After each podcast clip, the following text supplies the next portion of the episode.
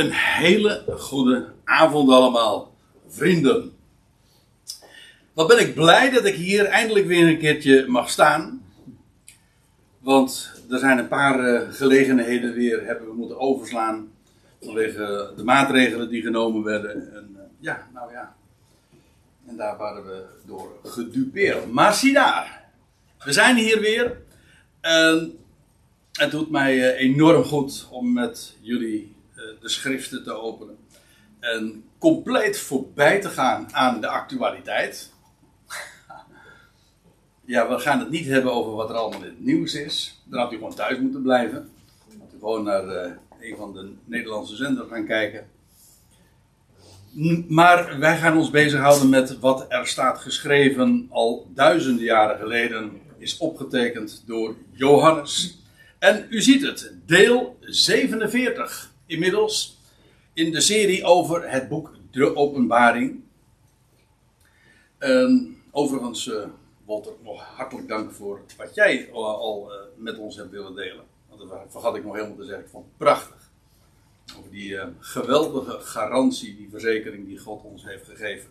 Maar goed, nu gaan we dus verder met het boek De Openbaring. En daar hebben we inmiddels over dat 21ste hoofdstuk. hebben we al een aantal keren bij stilgestaan, als ik me niet vergis. Nee, ik vergis mij niet. We hebben al drie keer over die eerste acht versen van uh, dat hoofdstuk uh, gesproken. Dit keer heb ik het als titel gegeven: Het Jeruzalem dat uit de hemel neerdaalt. En ik wil eerst, dat bent u van mij gewend, en ik vind dat een hele goede gewoonte. Vandaar ook uh, dat ik het altijd dus zo doe dat we even terugblikken op wat we de voorgaande keren hebben vastgesteld. Al was het maar om eventjes weer een, een raamwerk te hebben. Waar ging het ook alweer over? Die eerste acht versen, dan beperk ik me daar, daar beperk ik me dan toe. Na de, de duizend jaren, als ik zeg de duizend jaren, bedoel ik gewoon de duizend jaren waar uh, Johannes over schrijft in hoofdstuk 20 van de openbaring waarin de duizend jaren, dat zijn die duizend jaren. Uh, ik noem het uh, met opzet nooit het duizendjarig rijk, want dat suggereert alsof Jezus Christus duizend jaar regeert. Dat is niet waar. Hij regeert tot in de Ionen, der Ionen, zoals de Bijbel dat zegt. Nee, wat geteld wordt, dat is de termijn die, uh, waarin Satan gebonden is en niet in staat is de, de, de volkeren te verleiden. Als ik het zo trouwens zeg, dan weet je ook meteen dat dat dus nog wel uh, moet gaan plaatsvinden. Aangezien hij uh, op dit moment uh, erg veel succes nog heeft. En trouwens, zijn meest succesvolle periode daarin, die gaat nog aanbreken. Al moet ik erbij zeggen, die is zeer kort. Maar juist omdat hij nog zo kort is, gaat, is hij des te actiever. Dat staat allemaal in dit boek trouwens ook. Hij weet dat zijn tijd kort is. Goed, na de duizend jaren krijg je vervolgens het grote witte troongericht, waarin de overige doden uh, opstaan en de boeken gaan daar open. Wel nu, na die periode, dat is hoofdstuk 20, krijg je dus hoofdstuk 21. En dan start een nieuwe aion, een nieuw wereldtijdperk, een vernieuwde hemel en aarde. En waarom ik zeg vernieuwd, wel, in ieder geval uh, als het gaat over de aarde, die aarde blijft namelijk staan. De aarde zal gevonden worden, daar hebben we het de vorige keer ook over gehad, vorige keren. En uh, in elk geval, de aarde wordt vernieuwd. En uh, ja, hier zie je dat dus chronologisch in, in schema. En die aion, of dat wereldtijdperk, of die eeuw, zo u wilt, maar dan niet in de zin van 100 jaar uiteraard die wordt ook genoemd de Aion van de Ionen. Dat wil zeggen, het is de meest overtreffende Aion van alles wat uh, tot dusver wij gekend hebben aan wereldtijdperken. En het is ook de Aion van de Aion.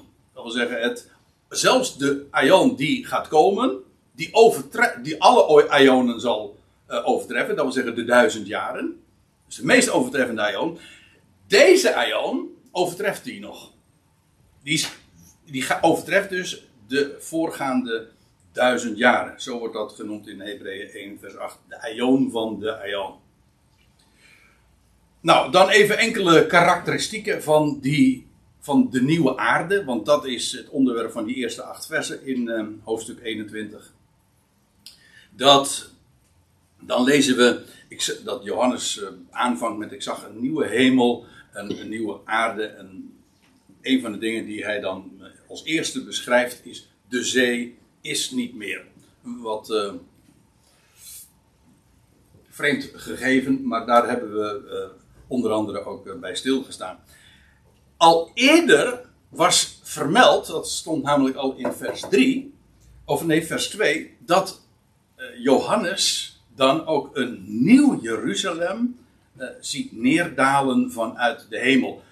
Hij tekent dat op in vers 2, zonder daar verder nog op in te gaan. Dat wil zeggen, in die eerste acht versen komt dat niet meer aan de orde. Pas vanaf vers 9, wat we vanavond gaan bespreken, wordt dat onderwerp weer opgepakt en uitgebreid beschreven. Zo uitgebreid dat we vanavond bij lange na daar niet. Uh, helemaal aan toekomen. Op die nieuwe aarde is ook nog steeds sprake van volkeren. En we zullen, straks, eh, we zullen later ook nog zien volkeren die nog zelfs genezing behoeven. Ik heb uh, al bij eerdere gelegenheden op gewezen dat die nieuwe aarde, en dat is wat sommige mensen heel uh, misschien moeizaam vinden om te verstaan, maar daar is eh, nog steeds niet de volmaaktheid aangebroken. als u mij vraagt, daar gaat ook de generaties nog gewoon door. Nou ja, gewoon, wat heet. Uh, het zal een, geweldig uh, tijdperk zijn. Zoals gezegd, het overtreft zelfs nog het millennium dat eraan vooraf ging. Maar toch, het is, daar is nog een proces gaande de de, we lezen in vers 4: dood, rouw, geklaag en moeite zullen uiteindelijk niet meer zijn. Dat is een proces. Eigenlijk het meest kenmerkende van die laatste aion is dat uh, daar alles nieuw gemaakt wordt. Zie, ik maak alle dingen nieuw. Dat staat dan in de tegenwoordige tijd. Eigenlijk staat er uh, zoiets als: ik ben bezig alle dingen nieuw te maken. Dat is de tegenwoordige tijd. En dat is uh, in feite de samenvatting van die laatste aion: dat alle dingen nieuw gemaakt worden op aarde. En daar gaan heel veel generaties nog over, uh, overheen. Want uh, we hebben ook in een van die avonden, een van de vorige avonden al besproken, dat er in totaal, dat, dat God zijn verbond bevestigt tot in het duizendste geslacht. Als we dat letterlijk nemen, dan uh, komen we echt voor die laatste aion. Nou, dan gaat dat uh, vele, nou zelfs tienduizenden jaren duren. Voordat je aan het duizendste geslacht toe bent. Als je ervan uitgaat tenminste dat een geslacht 40 jaar duurt. Waar goede redenen voor zijn. Nou, uh, reken het maar uit. Dat betekent dus dat duizend geslachten 40.000 jaar is. Nou, als je dan rekent vanaf Abraham. Hm? Ja, dat, is, um, dat, zijn, dat zijn gegevens uh, waar, je, ja, je, waar je van gaat duizelen. Daar hadden we het eerder vanmorgen, vanavond over. Dat je soms zomaar als spreker kan gaan duizelen. dat, daar heb ik recentelijk nog last van gehad. Uh, maar dat wordt dan weer niet daarvan, hoor. dat moet ik er ook bij zeggen. In ieder geval, dat is zo'n merkwaardig en ook, ja, je dat? Mind-blowing gegeven dat die laatste aion zo lang duurt, zo, zo geweldig zal zijn en eigenlijk al onze voorstellingen tart. Ik moet er nog uh, in de, één ding bij zeggen, en dat, is, en dat was het laatste waar uh, die eerste pericoop dan over uh, gaat, namelijk in vers 8 en vers 7 geloof ik ook, dat ongelovigen en alles en al de mensen zeg maar, die in die categorie vallen, die zullen deze Aion niet meemaken. Waarom? Wel, zij zullen zijn, hun lot is in de tweede dood. En ik weet, een heleboel mensen die denken dat aangezien dat zo is, de tweede dood, dan zal dat wel definitief zijn. Uh -uh, dat kan dus niet. Want de dood is namelijk nooit definitief. En als u het mij vraagt, is dat zelfs de basis van het hele evangelie. Namelijk dat de dood er niet gedaan wordt. Dat is het evangelie. En uh, geen enkele dood, of dat nou de eerste is of de tweede, maar ook de tweede dood is gewoon dood. Of dood gewoon. ja, ik bedoel, als je voor de tweede keer sterft en, je komt opnieuw weer in de doodstoestand. Ja, ben je dan minder dood dan, uh, daar, uh, dan de eerdere keer? Nee, in feite is die opstanding bij de grote witte troon voor hen alleen maar een onderbreking waarin ze gericht worden. Dus het heeft wel degelijk een hele specifieke functie, maar niettemin, eh, je zou zelfs kunnen verdedigen, uh, of het zo uh, kunnen lezen, dat zij waren dood, hun doodstoestand wordt kort onderbroken, namelijk bij de grote witte troon, en wordt voortgezet in de laatste aion.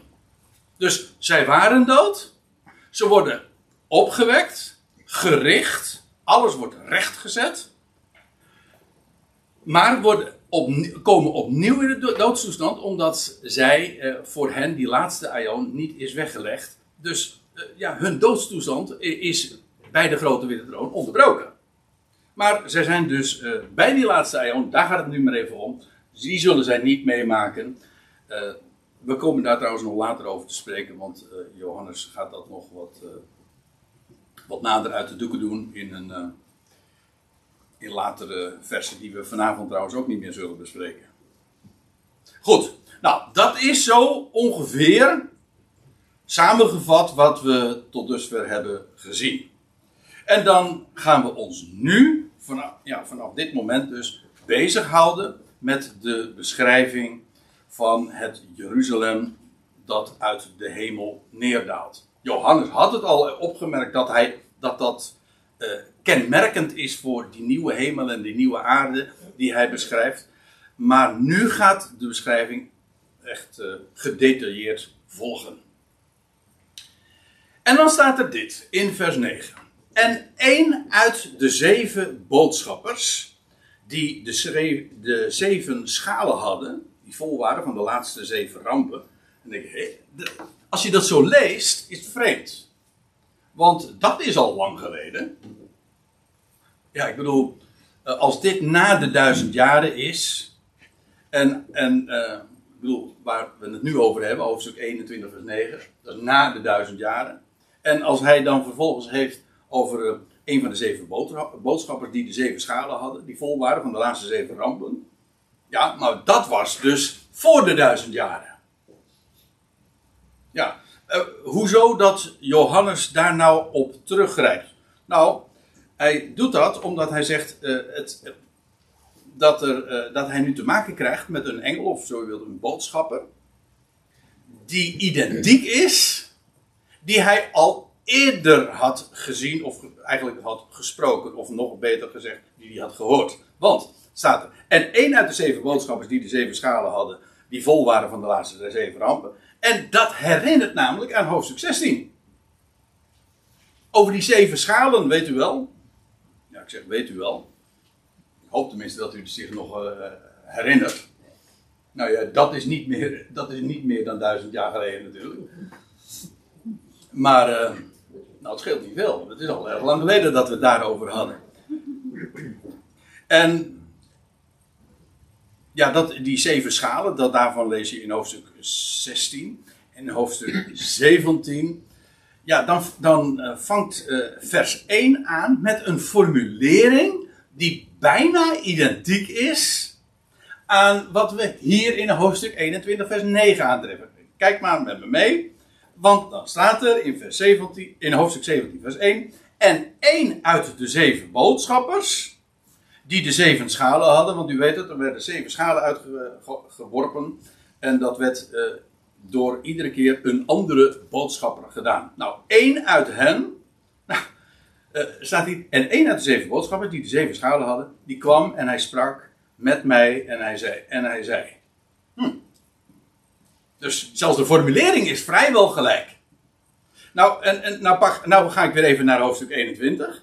En dan staat er, uh, die kwam tot mij en hij sprak met mij, zeggende, Kom hier.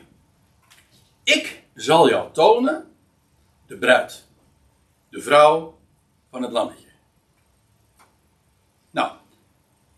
En nu begrijpen we ook meteen waarom Johannes het op deze wijze formuleert. En waarom hij de, de link legt met een van die zeven boodschappen. Want, wat, want ik gaf u net een, eh, dat citaat uit hoofdstuk 17, vers 1, maar ik deed voor de helft. Want, lees maar met me mee. En één uit de zeven boodschappers die de zeven schalen hadden, die kwam en hij sprak met mij, sprak met mij en hij zei: Kom hier, ik zal jou tonen het oordeel van de grote hoer. Die zit op vele wateren. En nou begrijp je ook uh, waarom die, die twee aan elkaar gelinkt zijn. Want in, voor de duizend jaren wordt een van die zeven uh, boodschappers, uh, die gaat iets tonen. En die toont de hoer. En wat blijkt die hoer te zijn? Dat is de grote stad, genaamd Babylon. En die zat op een beest met zeven koppen en tien horens. Dat is het laatste wereldrijk dat nu nog steeds toekomstig is.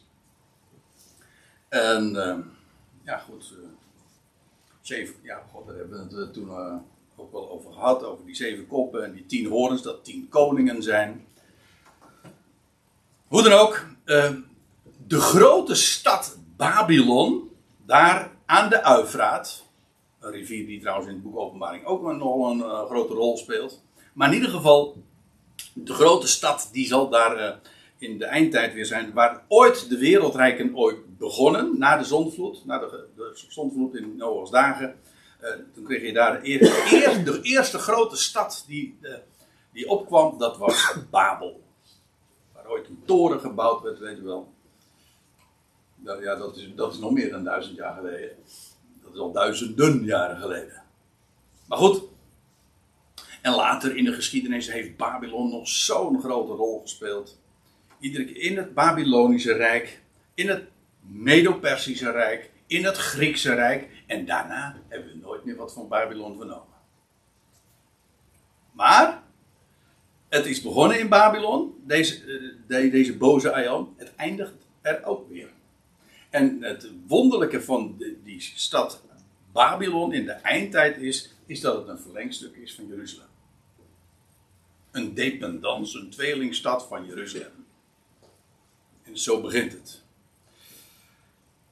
Nou zou ik in de verleiding komen natuurlijk om daarover te gaan spreken, maar dat doe ik niet. Het gaat mij nu even om het punt dat Johannes uh, eerder zag. Uh, het had over die, die zeven boodschappers die die zeven schalen hadden. En één van hen die toont de grote stad. Maar dat is een hoer. Dat wil zeggen, en dan weet je trouwens ook meteen dat het te maken heeft met het volk dat ontrouw is aan haar man. Namelijk Israël. Maar in nu krijgen we te maken uh, met uh, het grote contrast, niet een hoor, maar de bruid. Goed. Uh, en dan staat er nog bij trouwens in openbaring 21 vers 10. En hij bracht me in geest weg, niet fysiek, of nee, geestelijk visionair, of hoe je het ook maar zeggen wil. Net zoals dat je leest in hoofdstuk 1, vers 10, dat ik kwam in geest in de dag van de Heer. Ik ga ervan uit dat Johannes dus gewoon fysiek nog op Patmos bleef. Maar in geest werd hij verplaatst. Een tijdreis heeft hij gemaakt en werd verplaatst in de dag van de Heer. Hier werd hij in geest uh, weggebracht. Uh, op een, uh, hij bracht me in geest weg op een grote hoge berg. Trouwens, dat is heel aardig. Ook hier, het is de derde overeenkomst met openbaring 17. Want, nee, ik zeg overeenkomst parallel moet ik zeggen. In, in hoofdstuk 17 vers 3 wordt Johannes in geest ook weggebracht, maar dan naar een woestijn. Waar hij een vrouw ziet op een beest met zeven koppen en tien horens. Ja. Ziet u? Dat is niet zomaar dat Johannes daarop teruggrijpt. Nee, dat heeft dus heel specifiek een bedoeling. Goed, hier gaan we nu. Uh, wordt Johannes dus in geest op een grote, hoge berg geplaatst. waardoor die dus ook eh, een enorm uitzicht heeft. Dat vind je vaker. Want, eh, nou ja, noem ze eens op. Ik denk, het eerste waar ik dan aan denk, is Mozes, die ooit, hij mocht niet zelf het beloofde land binnengaan, maar hij werd uh, op een uh, berg geplaatst, een bergtop, op een hoge berg dus, hoog, namelijk van de berg Nebo. En zo kon hij uh, ook het hele beloofde land aanschouwen. Weet je trouwens dat Nebo profeet betekent? Is ook een profetisch zicht had hij daar. Afijn, en dan heb ik er nog één, en die is misschien nog wel frappanter, omdat je van Ezekiel leest in hoofdstuk 40. Uh, die werd ook op een zeer hoge berg geplaatst. Nou, dat weet ik niet, maar in ieder geval daar bevond hij zich. En dan ziet hij Jeruzalem en de nieuwe tempel. Zo staat het in hoofdstuk 40, vers 2. Dit is uh, wel heel uh, opvallend, opvallende overeenkomst. Ezekiel, die, u weet het hè, Ezekiel die ziet, uh, hoofdstuk 37 kent u? U weet wel, dat is die, dat hoofdstuk met die do door het doodsbeender. Die dan het herstel van Israël. Hoofdstuk 38 en 39 over Gog en Magog. Waar het boek Openbaring trouwens ook over spreekt. Zowel voor als na de duizend jaren. En dan vanaf hoofdstuk 40 krijg je een beschrijving van, het, van Israël in het millennium. Uh, een beschrijving van Israël, ja, van het land en hoe het verdeeld zal worden, is nog nooit vervuld. Trouwens, uh, er, gebeur, er, worden daar dingen beschreven die, we, die onbekend zijn. De, de tempel die daar beschreven wordt, tot in de, de, tot in de kleinste details, ik heb, dat, je kunt daar, ik heb daar uh, wel maquettes van gezien. Hoe die tempel van Ezekiel er straks uitkomt te zien. Ik zeg straks, want die tempel die is uitgebreid beschreven door Ezekiel. Uh, maar die tempel is nooit gebouwd. Het, het kan maar één ding betekenen. Die tempel komt er nog. en niet alleen die tempel, maar ook Jeruzalem en, je, en de hele, alles wat daarmee verband houdt. En dan kent dan heb ik er nog eentje. Ezekiel 47. Dat is dan dat hoofdstuk waar beschreven wordt dat er uit het heiligdom een waterstroom zal ontstaan. En die, gaat er, die, die, gaat, die valt uit één in twee richtingen. Gaat naar, de, naar de, de ene zee en de andere zee. En de dode zee wordt door dat water levend. Zodat zo, zo zelfs dat de dode zee een levende zee gaat worden. En nog sterker, daar komen weer vissers plaatsen. Moet je nou eens proberen. Moet je nou je hengeltjes uitwerpen. Ik, ik heb eens wel de, de, grap gehoord van iemand die daar met zijn engel uh, was gaan, uh, gaan zitten bij de dode zee. En toen kwam er iemand langs. En die vroeg van, huh? wat doe jij hier nou? Heb je al gevangen? En toen zei hij, ja, je bent vandaag al de vijfde. Hij had beet, ja. Uh, oh ja, zo, zo, zal de vraag zijn. Heb je al beet gehad? Ja, ja, ja je bent de vijfde. Oké. Okay. Beeld was slecht. Is beeld slecht? Ja, daar kan ik heel weinig aan doen. Hij doet het niet op mijzelf, hè? Dat, nee, dat, Je bent altijd laag. Dat hij duizelig zag of zo. Uh, ja, uh, het probleem hier in de Aker heb ik al vaker meegemaakt. Dat, uh, dat het, uh, de, ook de geluidskwaliteit erg slecht is. Bij de livestream. Ik heb, één, uh, ik heb goed nieuws. Ja, nu niet voor Marcel. Maar als het straks op de website komt, dan is het wel goed. De, dus het, de, de livestream is, is niet goed. Maar de, ik maak een opname en de, op het kaartje staat het gewoon perfect. Dus als ik het alsnog op de website zet, dan uh, is de beeldkwaliteit wel goed. Volgens jou is het wel goed? Ja, goed te zien. Oh, Marcel deugt niet. oh. Ah, hij hoort het toch niet, joh.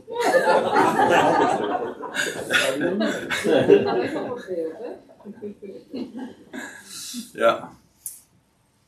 Oké, nou ja, eh, ik, ik, waarom wijs ik nu eventjes op eh Ezekiel en op al, die details? Ik, zeg dat ook om aan te geven dat wat Ezekiel beschrijft, dat gaat over Israël, over Jeruzalem en over een tempel en over een, over een heel gebied, de Dode Zee en de, de rivier die daar stroomt.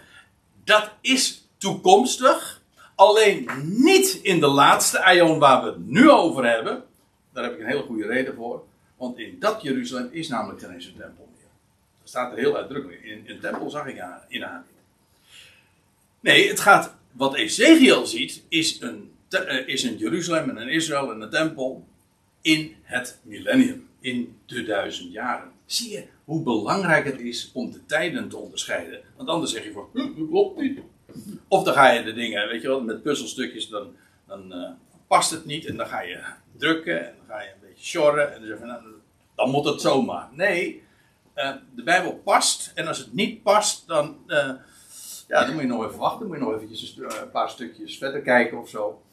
Eh, maar, en de tijden, eh, onderscheid de tijden, dat was een uitspraak van ooit eh, kerkvader Augustinus. Hij heeft wel eens goede dingen gezegd hoor. Maar die zei, onderscheid de tijden en de schrift is in harmonie met zichzelf. En dat onderschrijf ik graag en van harte. Ezekiel werd dus ook op een, dus zelfs een zeer hoge berg geplaatst. En hij ziet Jeruzalem en de nieuwe tempel van het millennium. Hier zijn we inmiddels dus nog weer een hele fase verder. En Johannes wordt in de geest weggevoerd, weggebracht op een grote, hoge berg. En hij, die, die een van die zeven boodschappers dus, die hij kende van eerder. En hij toonde mij de heilige stad Jeruzalem. Die vind ik mooi. Waarom? Wel, eerst stond er in vers 9, dit is vers 10, in vers 9 staat er: Ik zal je tonen de bruid, de vrouw van het lammetje. En vervolgens wordt Johannes weggebracht en hem wordt getoond de heilige stad Jeruzalem. En nou heb je dus helemaal geen theologie nodig voor het beantwoorden van de vraag: wie of wat is de bruid? Ja, daar, kun je, daar zijn hele theologische disputen over. Maar het is heel simpel. Johannes zegt het hier gewoon. Expliciet. Namelijk, de bruid, die hem getoond wordt, dat is de heilige stad Jeruzalem. Oké, hier in de laatste aion. In een hele nieuwe fase. Maar niettemin, de identiteit van de bruid is gewoon gedefinieerd. Namelijk, het is de heilige stad Jeruzalem. En ik zal u dit zeggen, het stemt volledig overeen met wat we vinden ook al bij de profeten in het Oude Testament. Dus het is, dit is geen nieuws. Wat Johannes hier opmerkt van die heilige stad Jeruzalem, dat is de bruid, dat staat al, dat staat al in Hosea, dat vind je bij eh, Ezekiel, nou nee, Ezekiel niet zozeer, maar bij Jeremia, bij Jezaja, het staat er allemaal. En dan zie je dus ook dat Johannes voortbouwt op, of voortbeduurt op, de, ja, dat wat eh, Israël al wist vanuit, eh, vanuit de Tenach, vanuit de schriften. En hi- hier staat het. De bruid, dus niet de, dat is niet de huidige Ecclesia, dat is het lichaam van Christus. Die maakt deel uit van de bruidegom, als je het helemaal goed zegt. Mooi hè? Ja, ik vind het een prachtige gedachte. Deel uitmaken van het lichaam van de bruidegom. Maar hier gaat het over de stad Jeruzalem. De heilige stad. En ja, we praten hier eh, wel over een hele eh, ja, nieuwe fase. Ja, die laatste aion. Want deze heilige stad Jeruzalem is niet die van het millennium, die zich op aarde bevindt.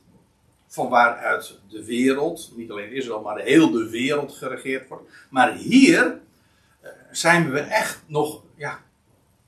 We zijn niet alleen een fase verder, maar we zijn eigenlijk ook een, een etage hoger opgestapt. Want dit is namelijk een Jeruzalem dat eh, neerdaalt vanuit de hemel. Ook hier weer, Ik had het net al over de tegenwoordige tijd. Over, uh, zie, ik ben bezig alle dingen nieuw te maken. Uh, hier wordt neerdalend, ook in de tegenwoordige tijd, gebezigd. Dat verticale streepje geeft dat ook aan. En dat betekent, is bezig neer te dalen. Stek genomen staat er niet. Nou, stek genomen, er staat niet dat Jeruzalem op de aarde terechtkomt. Dat staat er niet. Het is bezig neer te dalen. Het is een. En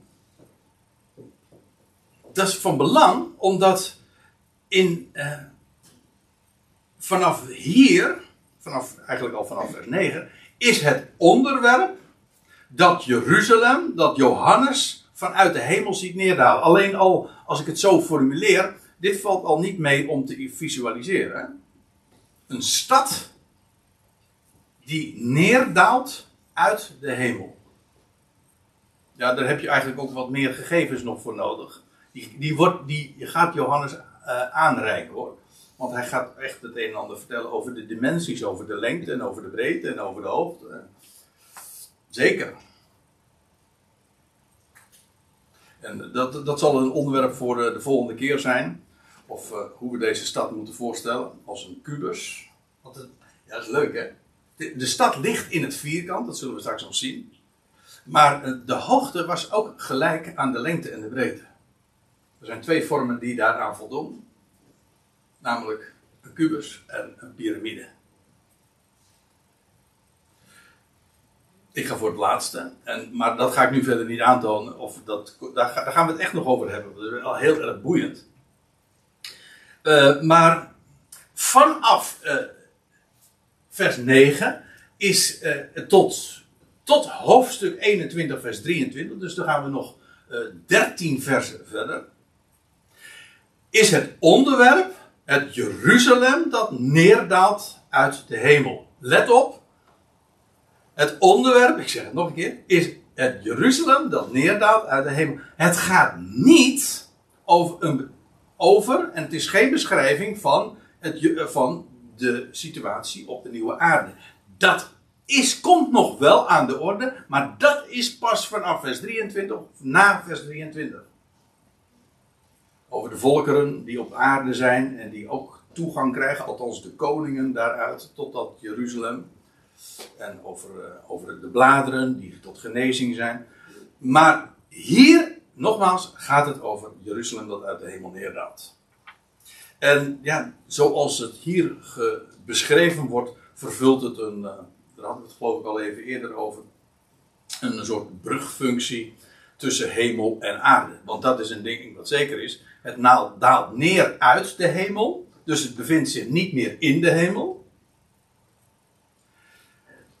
Maar het, aangezien het neerdalende is, uh, bevindt het zich dus ook niet op de aarde en dus bevindt het zich tussen hemel en aarde.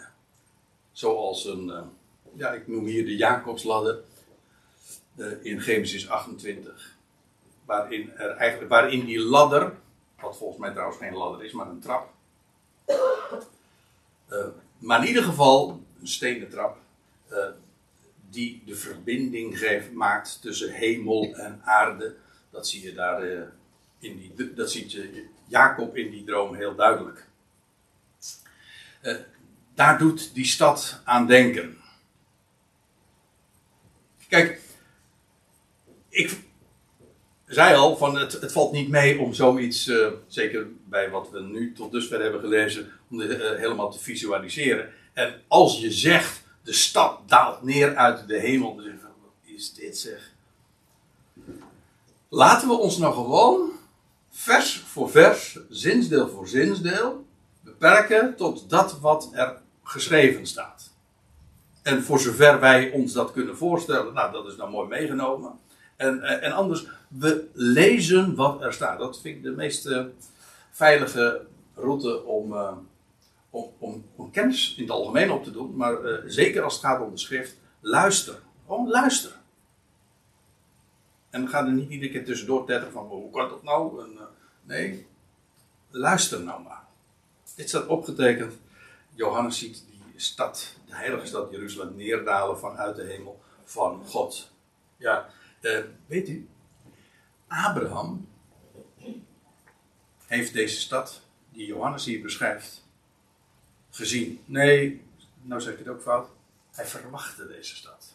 Maar het louter feit dat hij verwachtte, geeft aan dat. dat en, en Abraham eh, leefde uit geloof. Door geloof staat er in Hebreeën 11 iedere keer. En, en Abraham verwachtte dat. Dat betekent dus dat het hem bekendgemaakt is. Maar in ieder geval, van Abraham lezen we. Hij verwachtte deze stad. Ooit al. Dus nu praten we over een man. 4000 jaar geleden. Die verwachtte de, de stad die Johannes hier beschrijft. Hebreeën 11, vers 11. Want daar staat. Want hij, Abraham, verwachtte de stad met fundamenten. Dit is trouwens eh, de MBG-weergave, maar hij is er vrij goed. Ehm, hij verwachtte de, de stad met fundamenten. Daar zullen we het trouwens nog over hebben. Want ook dat beschrijft Johannes. En nou krijgen we het. Huh? Is het vers 10? Oh. Ik vond 11 vers 11 zo mooi. uh, ik ga het corrigeren, Paula, dank je. Hij verwachtte de stad met fundamenten waarvan God ontwerper en bouwmeester is. Deze stad komt uit de hemel dus. En er staat, Johannes zegt nog bij, van God. Ja, het is een stad van God. Hoezo van God? Nou, die is namelijk en de architect, de ontwerper, heeft het getekend, hij heeft het dus helemaal zo bedacht. En dat niet alleen, hij heeft het ook nog eens een keer uh, gemaakt. Ge, uh, de, er staat in het Grieks het woordje techniker, geloof ik. De, ja, dat, dat, kennen we. De, bouw, uh, de bouwmeester. Hij heeft dit dus ontworpen en ook daadwerkelijk zo gemaakt. Geen enkele stad voldoet aan die beschrijving. Behalve deze. Hij komt uit de hemel en is door van goddelijke origine. Zowel qua ontwerp als qua bouwwerk. Hoe gemaakt. Hij God zelf heeft gemaakt. Is onvoorstelbaar. Ja, dat is met recht onvoorstelbaar. Want wij kennen niet zulke steden. We kennen geen steden die uit de hemel eh, komen. En we kennen ook geen steden waar God helemaal de ontwerper van is en ook de bouwmeester. Maar uh, die stad, uh, die is er. En het komt uit de hemel. En, Johannes, en Abraham verwachtte die al. En Johannes toont dat hier. Of nee, het wordt Johannes hier getoond. En, en Johannes uh, tekent het op. En wij mogen daar notie van nemen. Neerdalend vanuit de hemel van God. En dan staat erbij. En zij had de. En zij, eh, die stad dus, had de heerlijkheid van God. Maar dat verbaast dan eigenlijk natuurlijk niet meer. Als God, de God, als die daarvan de bouwmeester en architect is. Natuurlijk had die stad dan Gods heerlijkheid hemels van origine, en, maar dat niet alleen, uh, ook goddelijk. In alles, qua ontwerp en in het hele, in het, het, hele, het hele bouwwerk ook. En staat erbij, haar lichtglans leek op het kostbaarst gesteente als op een kostbaar helder jaspis. Er is eigenlijk geen detail waar je hier zomaar aan voorbij kunt of mag gaan, maar in de eerste plaats even dit. Eerst wordt er gesproken, zij had de heerlijkheid van God. En dan vervolgens haar lichtglans. En het woord komt vaker voor, uh, lichtgeving, glans. Maar ik zal u dit vertellen. Heerlijkheid in de Bijbel. Uh, of laat ik hem even beperken tot het Nieuwe Testament, tot, het, Heerlijkheid is heel vaak synoniem met licht. Als er staat Heer. Ik, ik zal een paar voorbeelden geven. Je leest in 1 Korinthe 15. Ja, helaas als je in de MBG-vertaling gaat, het, uh, gaat dat uh, grapje niet. Nou, gaat het feest niet op. Want als je dan de NBG eh, leest, dan, wordt er ook gesproken over glans. Maar ik zal u vertellen, daar staat gewoon het woord voor heerlijkheid. Dit woord, doxa. Dat is gewoon het, het Griekse woord voor heerlijkheid. En eh, dan spreekt eh, Paulus over eh, ja, de, de heerlijkheid van het lichaam van de opwekking. En dan vergelijkt hij dat en dan zegt hij van ja, de Heer, dan, als hij daar onderwijs over geeft, dan zegt hij van ja, de heerlijkheid van de zon is weer anders dan die van de maan en die verschilt weer van die van de sterren. In, in, de, in, eh, in onze vertaling staat er dan van ja, de glans van de zon is weer anders dan weer van de maan en van de sterren. Maar er staat niet glans, er staat heerlijkheid. De heerlijkheid van de zon is anders dan die van de maan en die is weer anders die van de sterren. En, maar wat is heerlijkheid dan? Nou, dat is lichtglans. Want wat is de heerlijkheid van de zon of van de maan of van sterren anders dan het licht dat ze geven? Heerlijkheid is licht. Dat is trouwens heel boeiend, want als er dan staat dat dit lichaam in zwakheid eh, gezaaid wordt, in oneer, en dan staat er ook bij, ja, in zwakheid, in vergankelijkheid en in oneer, ontluistering. Dat is dit lichaam.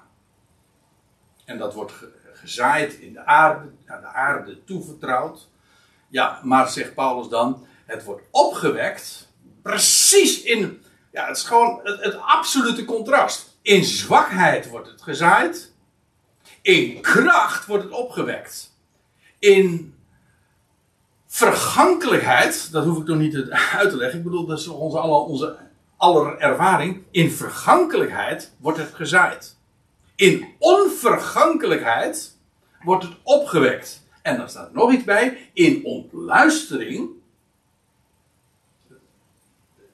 Dit lichaam, dat moet iedere keer in de loop der jaren eh eh, luister prijsgeven. Toch?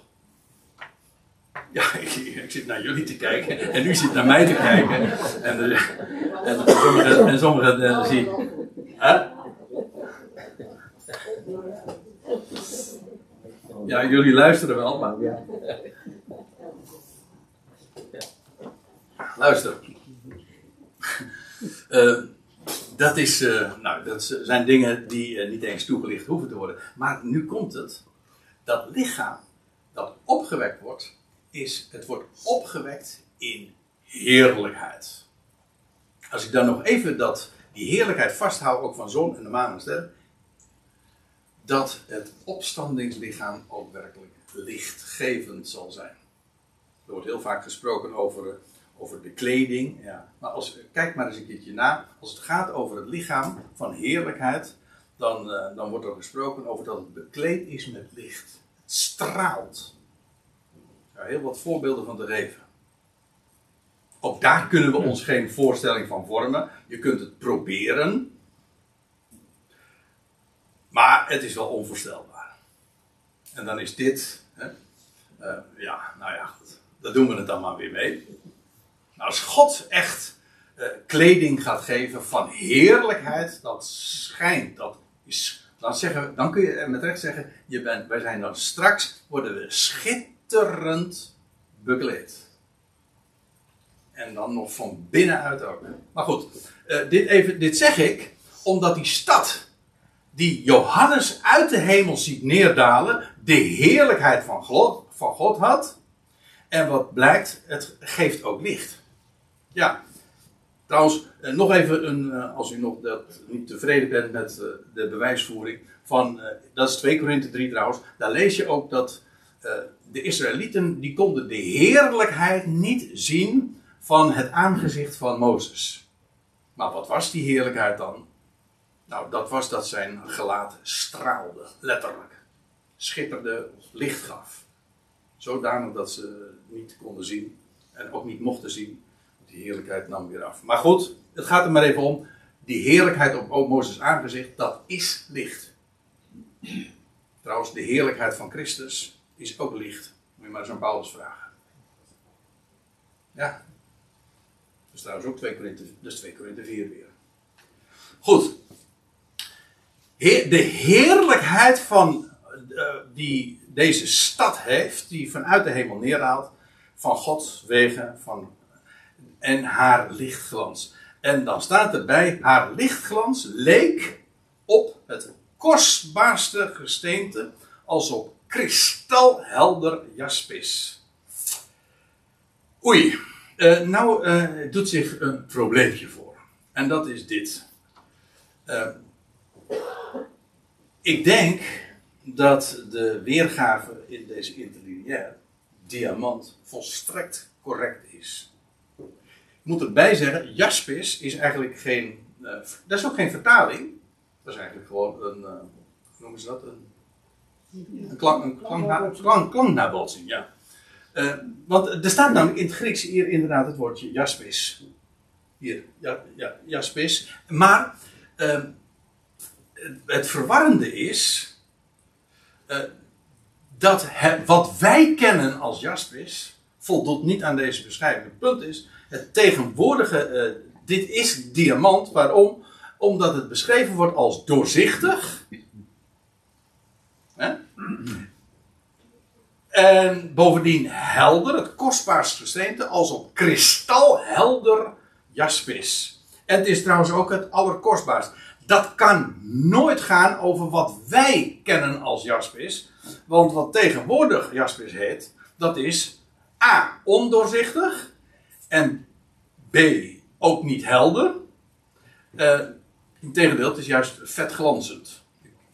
Dus dat is leuk voor PowerPoint, want ik zal het even laten zien. Dit is het verschil. Dit is wat tegenwoordig uh, jaspis genoemd wordt.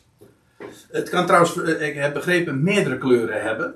En het is trouwens niet eens, het is sowieso niet het kostbaarste gesteente. Het is uh, half edelsteen. En u ziet het, het is ook niet doorzichtig. En het is, ook, het is ook niet, hoe zeg je dat? Het is niet helder, het is, het is vet glanzend, ja. Dit daarentegen, ja, dit is diamant. Dit is met recht een edelsteen, het is licht doorlatend en kristalhelder. En dat is, ja, daar gaat het licht doorheen. Dat ik weet niet precies wat het is, maar dat dia, dat, dat betekent dat het er doorheen gaat. En uh, Trouwens, dat is ook wat een edelsteen is. Een edelsteen maakt, uh, ik ben geen, uh, absoluut geen expert, maar vroeger woonden wij in uh, woonde ik in Alsmeer en woonden we tegenover een Peugeot garage en dat, die, hadden, die, die hadden ook een tankstation van Mobil. Mo mobiel, ja. Dat bestaat tegenwoordig al lang niet meer. Tegenwoordig is het BP geloof ik geworden. Maar toen had je in de jaren 70 ik was een tiener en toen uh, gaven ze bij elke tankbeurt, kreeg je half edelstenen cadeau. En wij hadden een hele verzameling, want dit was ook onze overburen, kwamen er nog eens een keertje. We kregen zomaar hele, hele verzamelingen van dat spul. Dat heette dan half edelstenen cadeau. Maar dat is trouwens heel fraai spul hoor, daar niet van. Maar, nou, ik kan u vertellen, dat zijn geen echte edelstenen. Dan zouden ze die zeker niet cadeau doen. En, eh, want zo kostbaar is dat allemaal niet. Maar uh, ja, waar Johannes het hier over heeft, dat is het kostbaarste gesteente. Dat is in, het is maar één steen die daaraan voldoet. Het aller, allerkostbaarste, dat is inderdaad diamant. Heeft natuurlijk ook te maken met de wijze waarop het bewerkt wordt. En uh, al die kanten. En,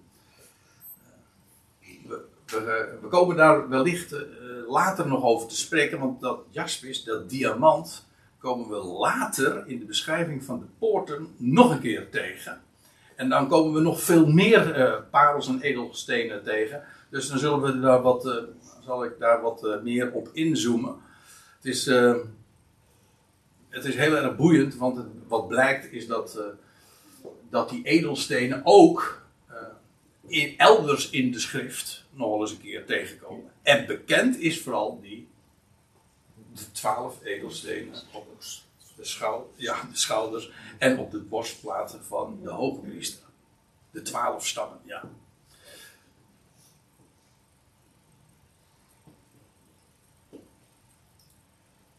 Het is uh, het kostbaarste gesteente als op kristalhelder jaspis. En dan wil ik het nog op nog één ding wijzen. En er staat, uh, het, het, was het niet, het leek erop. dus dat betekent dat zelfs het kostbaarste gesteente dat wij kennen, namelijk diamant, dat is slechts een benadering van de heerlijkheid van deze stad. Want het, het was het niet. Diamant lijkt daarop. Diamant heeft dus iets weg van inderdaad de heerlijkheid van. Het laat die stad die Johannes ziet, over uh, visualiseren gesproken, uh, dat is dus inderdaad een doorzichtige stad. Uh, later lees je inderdaad ook als kristalhelder. Staat er nog. later lees, komen we ook dat tegen de formulering van door als, als glas. Met andere woorden, het is inderdaad doorzichtig. Maar ja, eh, dat betekent dus, eh, we praten hier over de nieuwe schepping. En die stad die hier beschreven wordt, die is zo enorm gekarakteriseerd door Gods heerlijkheid, dat zelfs de benaming diamant nog tekort doet aan die glorie. Alsjeblieft. En als je nu een steen hebt, zeg maar van dit formaat, die, uh, en dat is diamant, nou, dan, uh, dan, ben je al, dan ben je al steenrijk als je dat kunt veroorloven. Maar dan is die hele stad, die een enorme omvang heeft, daar, we, daar gaan we het nog uitgebreid over hebben, want dat is ook fenomenaal. Echt, ja, duizenden kilometers in het, vier, in het vierkant. Nou ja, dat, is, dat gaan we de volgende keer bespreken. Maar dan, die stad heeft die glorie waar diamant slechts op lijkt. Alsjeblieft. En dan staat er nog bij, zij had, um, zij had een grote, hoge muur. Ja, en ik weet ook uh, iets meer te zeggen over die muur, want dat wordt later in vers 17 nog uitgebreider beschreven. Het is namelijk een muur van 144 L. Oftewel 77 meter. Nou, dat is een hoge muur hoor. En ze had 12 poorten. Maar we zijn nu uh, bij uh, vers 12. Dat is wel een mooi vers uh, om, als we het erover hebben. Want als er één getal is dat iedere keer in de beschrijving van deze stad terugkomt, dan is het wel het getal 12. Op de een of andere manier. Of het, de 12 fout daarvan. Een dozijn dozijnen, een gros dus. 144. In ieder geval, eh, dat komen we iedere keer weer tegen en dat heeft allemaal betekenis. Ik stel voor dat we eerst even op adem komen, want ik begrijp dat het gaat duizelen, dus dan wordt het tijd voor een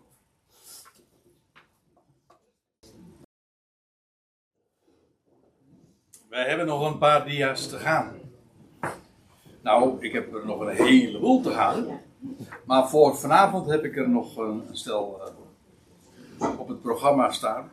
En wij waren gebleven bij vers 12 over die stad die de heerlijkheid van God had, heeft, zal hebben, moet ik het zeggen. Hij komt uit de hemel ja, dat betekent dat die stad in de hemel is. En uh, de Hebreeënbrief spreekt daar ook over. Daar ga ik trouwens een volgende keer ook nog uh, wel naartoe. Dus uh, die parkeer ik ook nog eventjes. Maar in ieder geval hier in die laatste aion ziet Johannes hem uit de, die stad uit de hemel neerdalen. En zij had een grote hoge muur, daar had ik het al over. Ehm, en de grootte en de hoogte wordt later beschreven. En zij had twaalf poorten.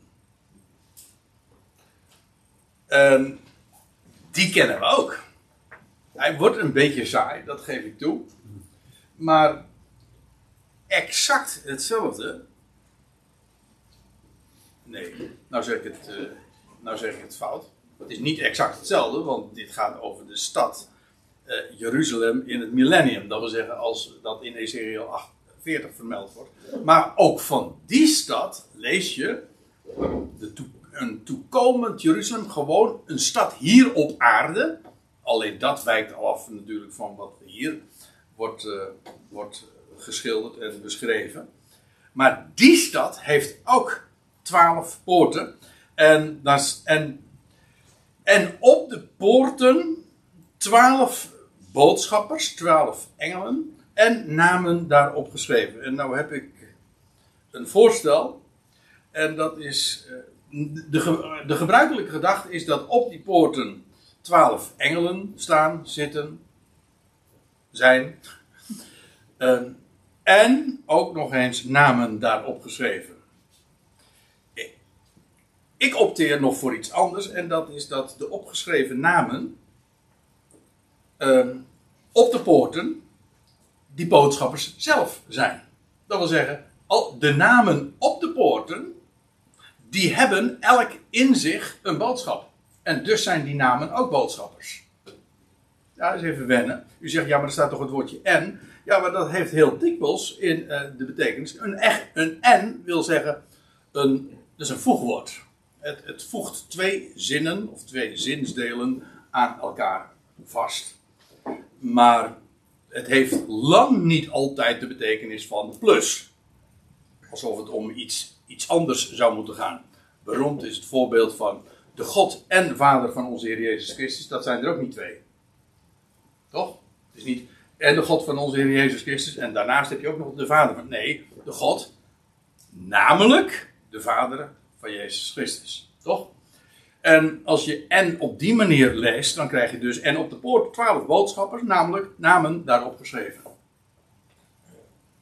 Ik zeg niet dat het zo is, maar eh, ik vind het een hele zinnige gedachte. Al was het maar omdat ik me eh, eh, heel erg heb zitten afvragen. Is dat een, eh, is dat een doorslaggevende reden? Nee.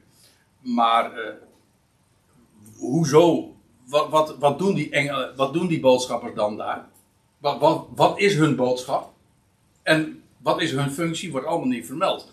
Eh, al die bezwaren, die onbeantwoorde vragen, die verdwijnen op het moment dat je leest. En op de po- poorten waren twaalf boodschappers, namelijk namen daarop geschreven. Nou ja, dat is eh, de richting waarin ik dit lees. En eh, eh, ik geef hem ter overweging. Eh, en namen daarop geschreven. En wat zijn die namen dan? En wat is de boodschap daarin? Want dat, ja, dat is dan consequent. Hè? Als daar namen op geschreven zijn en dat, is, en dat heeft een boodschap. Ja, dan is de vraag, wat zijn die namen dan? Nou, dat staat erbij. Welken zijn de namen van de twaalf stammen van de zonen van Israël? De erfgenamen van Israël, dat zijn de twaalf stammen. Dus staat er dubbel op eigenlijk. Twaalf stammen, namelijk de zonen van Israël. En nou wordt hij wederom eentonig, want ook dat wordt beschreven door Ezekiel als, als hij het heeft over het Jeruzalem in het millennium, de duizend jaren. Ook daar lees je van die stad die twaalf poorten heeft en elk daarvan draagt de naam van de zonen van Israël. Gelooft u het niet? Nou, dan neem ik u even mee. Ezekiel 28. Ik lees hem even voor uit de MBG-vertaling voor het gemak. Dan staat daar dit. Ehm, de poorten van de stad, zegt Ezekiel dan, dragen de namen van de stammen Israëls. Drie poorten op het noorden. Rubenspoort, een Judaspoort en Judapoort. U zegt, nou, nou, in die poort moet je niet wezen. Dat is trouwens ook een beetje oneerlijk, want Judas, eh, daar hebben wij natuurlijk een hele negatieve klank aan gekoppeld. Maar dat is eigenlijk gewoon puur vanwege de Griekse betekenis van dat woord. Maar Judas is gewoon Juda. Oké, eh, Ruben, een, een poort van Ruben, een poort van Juda, een poort van Levi. En aan de oostzijde ook, eh, de lengte ervan wordt trouwens ook nog vermeld. Van de zijde van de stad. Nou, dat, dat, ah, daaruit blijkt trouwens ook dat die stad in het millennium weliswaar een hele forse stad is. Maar het haalt niet, bij benadering niet zelfs, de, het formaat de, de, de grootte van de stad in, eh, in die laatste aion. Alles, eigenlijk alles in die laatste aion is overtreffend. Zelfs waar ze over, zelfs waar ze waargenomen wordt, is overtreffend. Ik wil zeggen, boven de aarde. Alles, alles. Uh, in alle opzichten is het, uh, is het meer, is het groter, is het rijker. En zelfs het allerrijkste dat wij hier kennen, en het duurste, het kostbaarste, daar, dat lijkt er slechts op. Mooi hè? Om, om daarbij bepaald te worden. Over, afijn, aan de oostzijde ook nog eens een keertje al de. Nou ja, ik kan het doorgaan. Ik bedoel, ik hoef nu niet uh, in te gaan op de betekenis van al die namen. Maar het gaat er maar om dat aan de noordzijde, aan de oostzijde, aan de zuidzijde. elk uh, drie poorten zijn. Dus die stad ligt trouwens ook in het vierkant. En aan de westzijde de Gatpoort, de Azerpoort en de Naftalipoort. Kortom, in totaal twaalf poorten die elk de, de naam dragen van een van de zonen van Israël, oftewel de stammen Israëls. En Johannes beschrijft dat ook. Hoewel, het is eigenaardig, die beschrijft, begint ze te lezen vanaf het oosten. Hm? Dat doe je toch niet? Je begint toch in het noorden? Van, van bovenaf, gewoon met de klok mee dan. Nee. Hij begint, hij begint in het oosten. Dus, of dat, dat is een volgorde die opvalt. Valt. En um, hij begint dus eigenlijk met de Oriënt. En de Oriënt staat voor het oosten, oftewel waar de zon opgaat, oftewel voor het licht. Ik altijd het mooie van het woordje oriënteren. De meeste mensen denken daar niet over na. Maar oriënteren betekent je richten op de Oriënt. Hoezo op de Oriënt? Nou, daar komt de zon op. Daar, daar, daar verrijst het licht. En daar richten wij ons op. Dus wij oriënteren, wij oriënteren ons op het woord. Daar komt het licht op. Sommige mensen hebben het geassocieerd met uh, je richten op Jeruzalem of zo. Maar dat hangt er nou maar net vanaf waar je bent natuurlijk. Of op Mekka. Je, je, je, moslims die, die, die altijd richten zich naar uh, richting uh, Mekka. En die moeten zich dan ook wel oriënteren. Want als je weet namelijk waar het oosten is. Dat is wel leuk. Als je weet waar het oosten is, dan weet je ook waar het westen is. Maar dan weet je ook waar het noorden en het zuiden is. Dus ja, je, je, je hebt een vast punt nodig om te weten uh, in welke richting. Oké, nou. Uh, vanaf het oosten drie poorten, en vanaf het noorden drie poorten, en vanaf het zuiden drie poorten, en vanaf het westen drie poorten. Zodat je ook hier al uh, ziet, wat trouwens pas later expliciet vermeld wordt, dat ook deze stad in het vierkant ligt. 4 keer 3. Dus. En staat er dan nog bij, de muur van de stad, waar we later dus nog op in zullen gaan, had twaalf fundamenten. En daarop twaalf namen van de twaalf apostelen van het lammetje.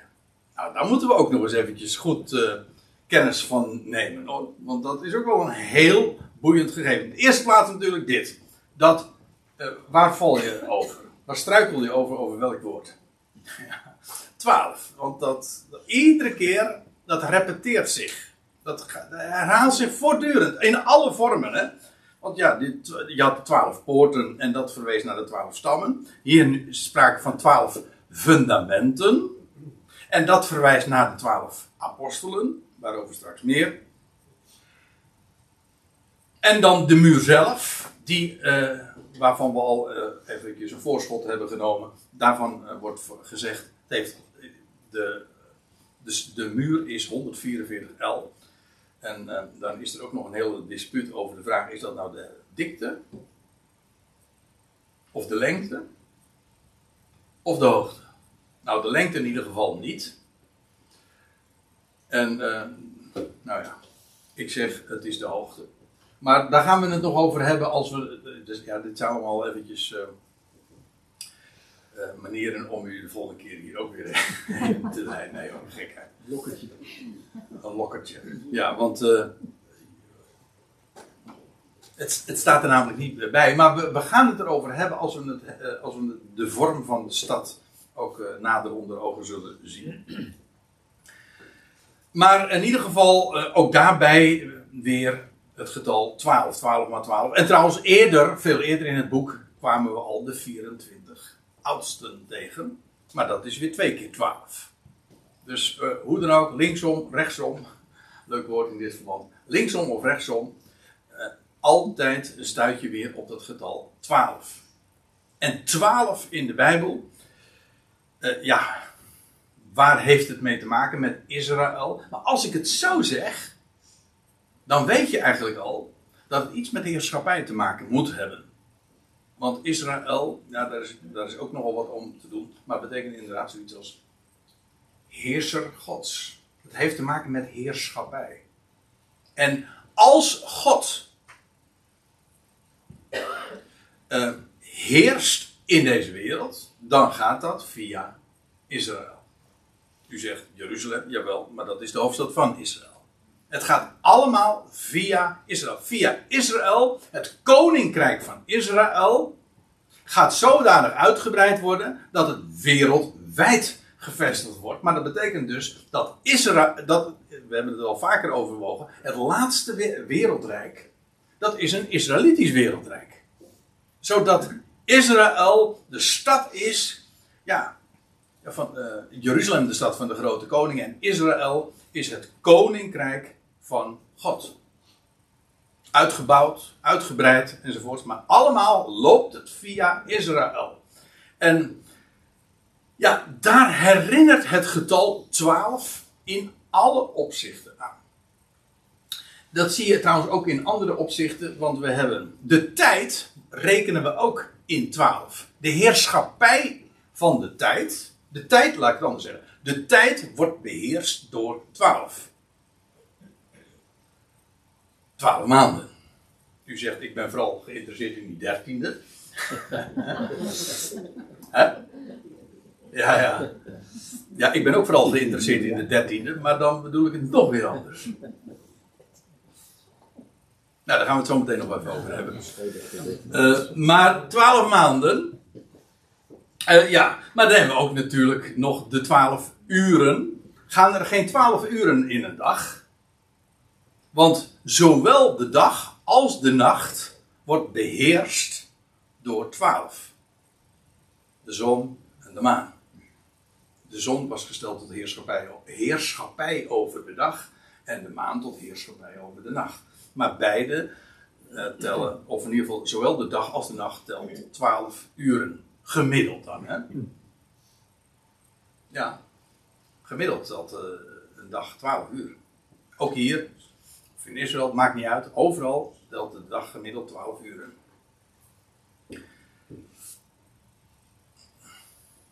Ja, nee, dat ga ik niet uitleggen. Uh, maar uh, dat is zo, ja. U ziet dus de klok, uh, de kalender, het is 12. Dus de tijd wordt beheerst door de 12. En daar kwam ik er ook nog eentje tegen. Dat is dat in de muziek, in de, in de audio, audiovele wereld, zeg maar, wordt ook geregeerd door de 12. Want de octaaf, zij heeft 12 tonen. 12 toetsen, zo u wilt, die je hier ziet. Ook dat, een octaaf is trouwens een achtste. 8, oct.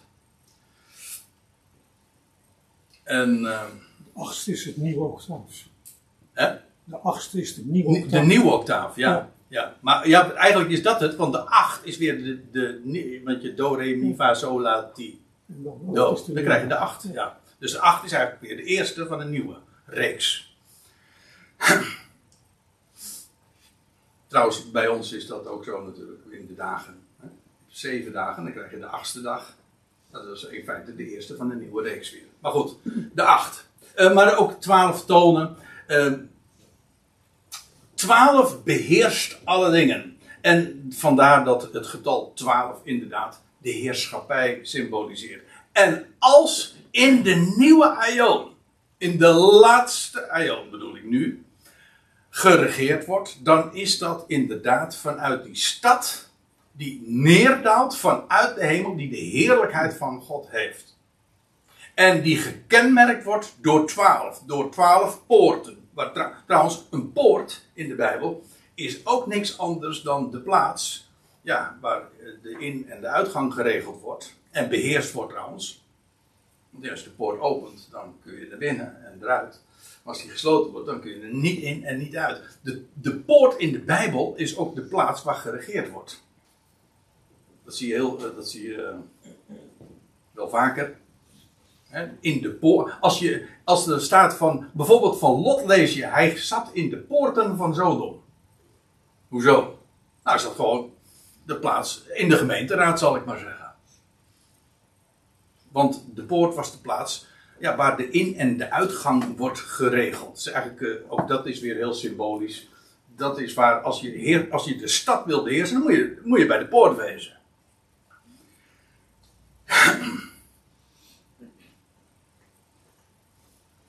Eh, de poorten, de fundamenten zijn, eh, worden gekenmerkt door de twaalf. En nu komen we dus eh, op nog een ander punt. En dat is dat die, laat ik eerst nog even lezen. De muur van de stad had twaalf fundamenten. En daarop, op die fundamenten dus, twaalf namen van de twaalf apostelen van het lammetje. Ja. En de twaalf apostelen. Hey. Ja, ik, ja, nou hangt het er nou helemaal van af eh, wat je achtergrond is, of je hier nou over struikelt of niet. Want de meeste mensen ja, twaalf, hè, twaalf apostelen. Maar u zegt, ja, maar ik ken, ik ben vooral geïnteresseerd in die dertiende. Trouwens, dat is heel, eh, heel grappig, maar eh, wij hebben het wel over de twaalf stammen. Maar kijk maar eens een keertje na in de reeksen die genoemd worden van de twaalf stammen. Daar zijn de, daar, eh, dan blijkt, als je, ze allemaal, als je ze allemaal met elkaar vergelijkt, dan blijkt er de dertien te zijn. Weet je hoe dat komt? Dat komt omdat Jozef dubbel geteld wordt. En dan van Manasse en Ephraim. Hij had ook het eerstgeboorterecht en dat betekent ook dat je een dubbel deel krijgt. Zo, maar in de reeks is het altijd twaalf. Er worden altijd twaalf genoemd. Heb, is het u nooit eens opgevallen? Ja, we hebben daar ooit wel een keer met elkaar over gesproken. Toen we in Openbaring 7 eh, de 144.000, ja, weer, weer de 12 keer 12.000. Toen we het hadden over de 144.000. En dan wordt er gezegd: uit alle stammen 12.000. En dan worden ze alle 12 genoemd. En één ontbreekt. dat komt omdat Ephraim en Manasse gerekend worden. Maar dat betekent dus dat er, als je er 12 wil hebben, dan moet er eentje afvallen. Dat is in dit geval dan dan. Waarom dan? ja, daarom dan. Nee, daar gaan we het nu niet over hebben. Maar ik bedoel maar ik, ter illustratie van het gegeven dat op het moment dat je Jozef, een van de twaalf, rekent als twee, namelijk die onderverdeeld is in twee stammen, ja, dan moet er, eh, als je een reeks van twaalf hebt, moet er eh, altijd eentje afvallen. maar, eh, waarom vermeld ik dat nou? Oh ja, ik had, het, ja, ik had het over de twaalf apostelen. Want de twaalf apostelen. Want hoezo heeft de Heer twaalf apostelen uitgekozen? Hij eerst trouwens twaalf discipelen. Hij koos twaalf discipelen. En hij maakte ze tot apostelen. Toch? Discipelen. Hij leerde ze. Leerlingen. En vervolgens heeft hij ze afgevaardigd. Uitgezonden. En dat is wat apostel, uh, uh, apostelschap ook uitdrukt. Maar, uh, oké. Hoezo 12? Ja, dat staat er trouwens bij. In één keer wordt het er zelfs heel expliciet bij vermeld. Ik heb de tekst wel hier even genoemd. Maar dan lees je dat als de Heer dan bij gelegenheid tegen hen zegt. spreekt over de beloning die hen straks ten deel zal vallen.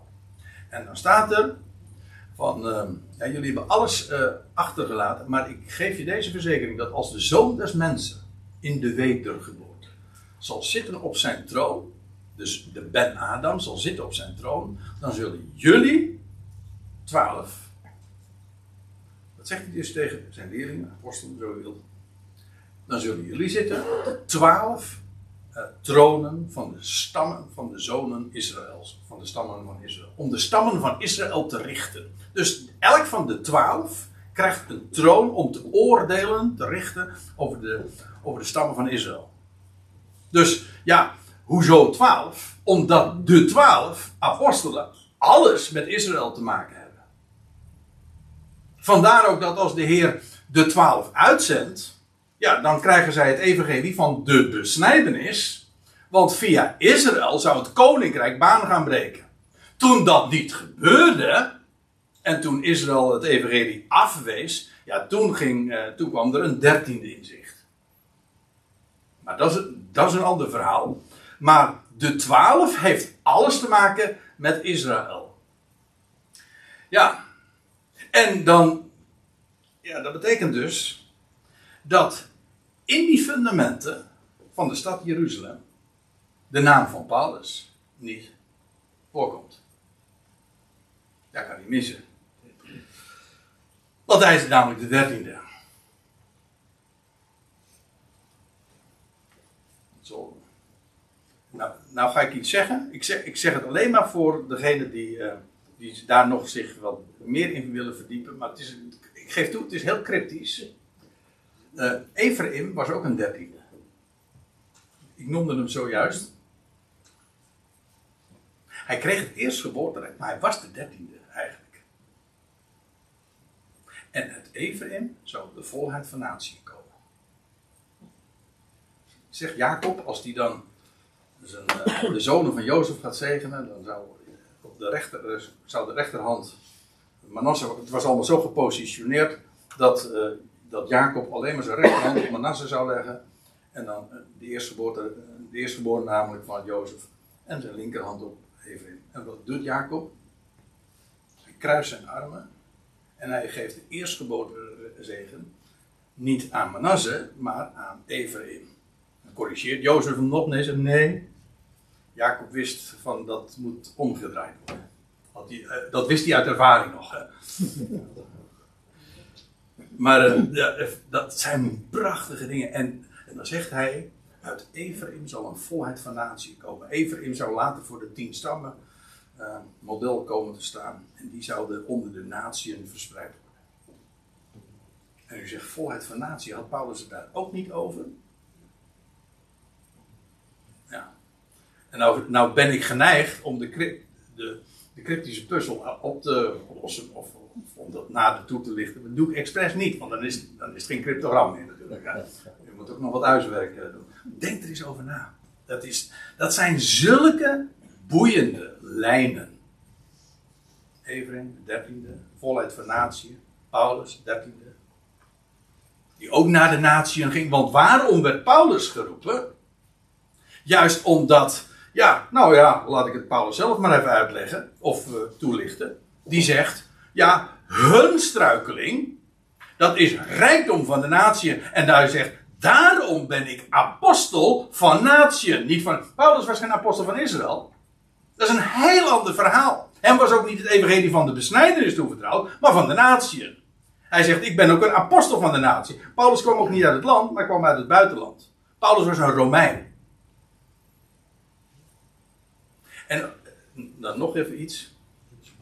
Uh, Paulus was een apostel van natie. Wij denken dat, dat betekent dat hij naar de natie gezonden werd. Maar eigenlijk betekent het een apostel van natie, apostel van de natie. En hij had een boodschap voor Israël.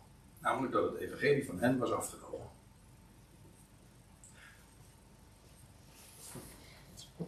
Als u zegt van dit gaat mij te ver, prima. Dan, gaan we, dan pak ik nu hier weer even de draad op. De fundamenten van de stad. Het dragen de namen van de twaalf apostelen, niet van Paulus. En de reden is heel simpel, want Paulus is namelijk een apostel van natie. En nou komen we op een punt, en daar wil ik graag deze avond mee afsluiten. Uh, dat. Ik, ik, ja, het moet zo wezen, maar ik kreeg er juist van de week twee keer van iemand een vraag over. Die had ook iets, die had uh, de serie over de openbaring beluisterd. Dat waren heel wat. Uh, er is heel wat te beluisteren. Maar uh, toen kwam, dat, uh, kwam, de vraag uh, hoe zit dat nou eigenlijk met de Ecclesia? Wij, het lichaam van Christus. Waar zitten wij nou? In de openbaring. Ik bedoel, we hebben het de hele tijd over Israël en over de volkeren. Maar waar, waar zijn wij dan? Nou, het antwoord is: wij spelen niet of geen expliciete rol. Wij worden, Paulus, sterker nog, Paulus wordt helemaal niet genoemd. Als je hem uh, zou willen tegenkomen bij de apostelen, dan mis je hem alsnog, toch? Want dan worden er maar twaalf genoemd en daar valt net Paulus vanaf. En de Ecclesia, het lichaam van Christus, wordt dat genoemd? Nou, expliciet nergens. Ja, er wordt wel gesproken over Ecclesias, maar dat blijken synagoges te zijn. Daar hadden we het ook al over in uh, op maart 2 en 3. Nee, maar waar, wordt nou, waar worden wij nou genoemd? Nou, expliciet nergens. Het gaat over Israël en over de volkeren en over Jeruzalem en over hoe, hoe God zijn koninkrijk gaat bouwen en voortbouwen en openbaren hier op aarde. Uh, zijn wij dan helemaal uh, niet in zich? Zijn wij daar niet in betrokken? Jazeker. Maar niet expliciet. Impliciet. En impliciet betekent stilzwijgend. Wij worden erin begrepen. Ik heb nog een heel mooi woord. moet u onthouden. Het staat heel uh, intelligent. Academisch. Geïncorporeerd. Huh? Is een, is een uh, simpele versie voor ingelijfd. Incorpus betekent lichaam. Geïncorporeerd betekent dat je uh, ingelijfd bent. Dat is een mooi woord, ingelijfd. Dit is lijf. Wij zijn ingelijfd in Christus. Toch? We zijn het lichaam. Hij het hoofd, wij het lichaam. Wordt dat lichaam van Christus genoemd? Nee. En toch zit, spelen wij echt wel degelijk een rol. Alleen impliciet. Dat wil zeggen, we zijn ingelijfd in de Christus. En ja, die Christus, ja, Christus Jezus, gewoon als de, leeuw van Juda, die is ook het hoofd van het lichaam. Dus ons hoofd wordt in ieder geval genoemd, toch? Dat, dat zult u niet ontkennen. Ons hoofd wordt genoemd.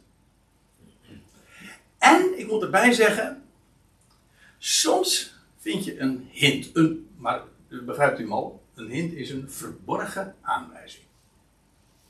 En die, vind, ja, die is beroemd. Inmiddels, uh, ja, in dit gezelschap is die beroemd. De mannelijke zoon. In openbaring 12. Die wordt weggerukt tot God en zijn troon. En wanneer vindt dat dan plaats? Ja, vlak voor de 1260 dagen dat Israël vlucht naar de woestijn. En die wordt die mannelijke zoon weggerukt. En die mannelijke zoon, de identiteit staat vast. Dat is gewoon, dat is Christus. Dat zal niemand kunnen ontkennen zelfs. Wordt ook gezegd. Maar Christus dan wel inclusief zijn lichaam. Die inderdaad wordt weggerukt voor de 1260 dagen. Het klopt helemaal, want dat is precies wat Paulus ook zegt. Over die wegrukking.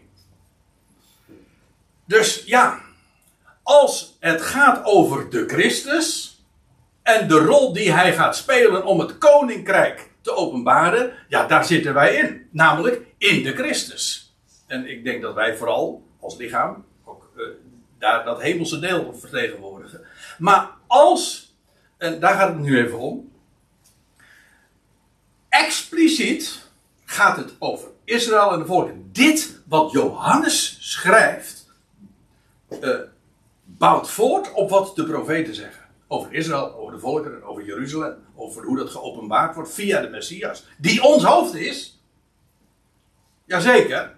Maar dat is niet het onderwerp van Johannes. Ik, ik vind het van belang om dat uh, eventjes uh, goed te onderstrepen. Want ja, uh, sommigen die proberen de, de, de Ecclesia overal in, in, terug te vinden. Bijvoorbeeld in de 24 oudste. Of zoals ik dat van de week nog gelas van over de legers die uit de hemel komen. In openbaring 19. En dan blijkt bij nader inzien dat het ook daarbij gaat over Israël. Wij dat moet wel duidelijk zijn. Wij maken deel uit van het lichaam van Christus. En dat is het hoogste deel wat je maar kunt voorstellen. Toch? ook wij zijn bestemd voor de heerschappij, maar dan eh, niet maar tot de aarde. Nee, eh, het hele universum. Het, he het ganse heelal. Hoe zegt Paulus dat in Efeze 1? Dat is echt het laatste waar ik eh, nog op wil wijzen. Dat hij zegt in Efeze 1 dat, dat wij het lotsdeel hebben ontvangen in hem, in Christus, in wie, het hoofd, in wie alles in hemel en op aarde zal worden samengevat. Eigenlijk opgehoofd staat er zoiets. Maar in ieder geval, in hem, en dan staat erbij, in wie wij ook het lotdeel hebben ontvangen. Wij zijn namelijk in Christus. Het allerhoogste deel. Niet de, niet de bruid, de bruidegom. Het lichaam namelijk van de bruidegom. Wij worden niet expliciet, afzonderlijk, op een, uh, hoe zeg je dat, uitdrukkelijke wijze genoemd. Nee, maar we, we zijn wel in hem inbegrepen. En ik zeg dat erbij om dan mee aan te geven hoe geweldig ons deel is. Wij zijn niet het onderwerp van het boek de Openbaring, maar we zijn er wel degelijk in betrokken. Want hij, die het grote onderwerp is, het lammetje, de leeuw van Juda, dat is ons hoofd. Niet, wij, hij, het is niet onze bruidegom, maar het is wel ons hoofd. Dus ja, uh, wij, staan, wij staan dus, uh, dat is eigenlijk uh, kort samengevat, wij staan niet buitenspel hoor. Zeker niet. Maar wij hebben het aller, allerhoogste deel. En u zegt van, ja, maar waar hebben we dat nou verdiend? Nou, dat hebben we niet verdiend, toch? Want en je kunt het ook niet ongedaan maken. Wij zijn gewoon de eerstelingen. U weet het, wij zijn toch de eerstelingen? Christus is het hoofd. En, en het gezelschap dat hem volgt, namelijk zijn lichaam, ja, die krijgt het hoogste deel. Waarom? Is het beste? We, uh, hebben we er iets voor? Nee, zo heeft God dat bepaald. De eerste krijgt het hoogste deel, het hemelse deel. Alsjeblieft. En of je het nou weet, of je weet, je weet het niet. Je aan onttrekken kan je toch niet. Als hij je ertoe geroepen heeft, dan uh, is dat lot verzekerd. En zo is de cirkel weer. Want daar begonnen we mee en daar eindigen we mee. Gegarandeerd.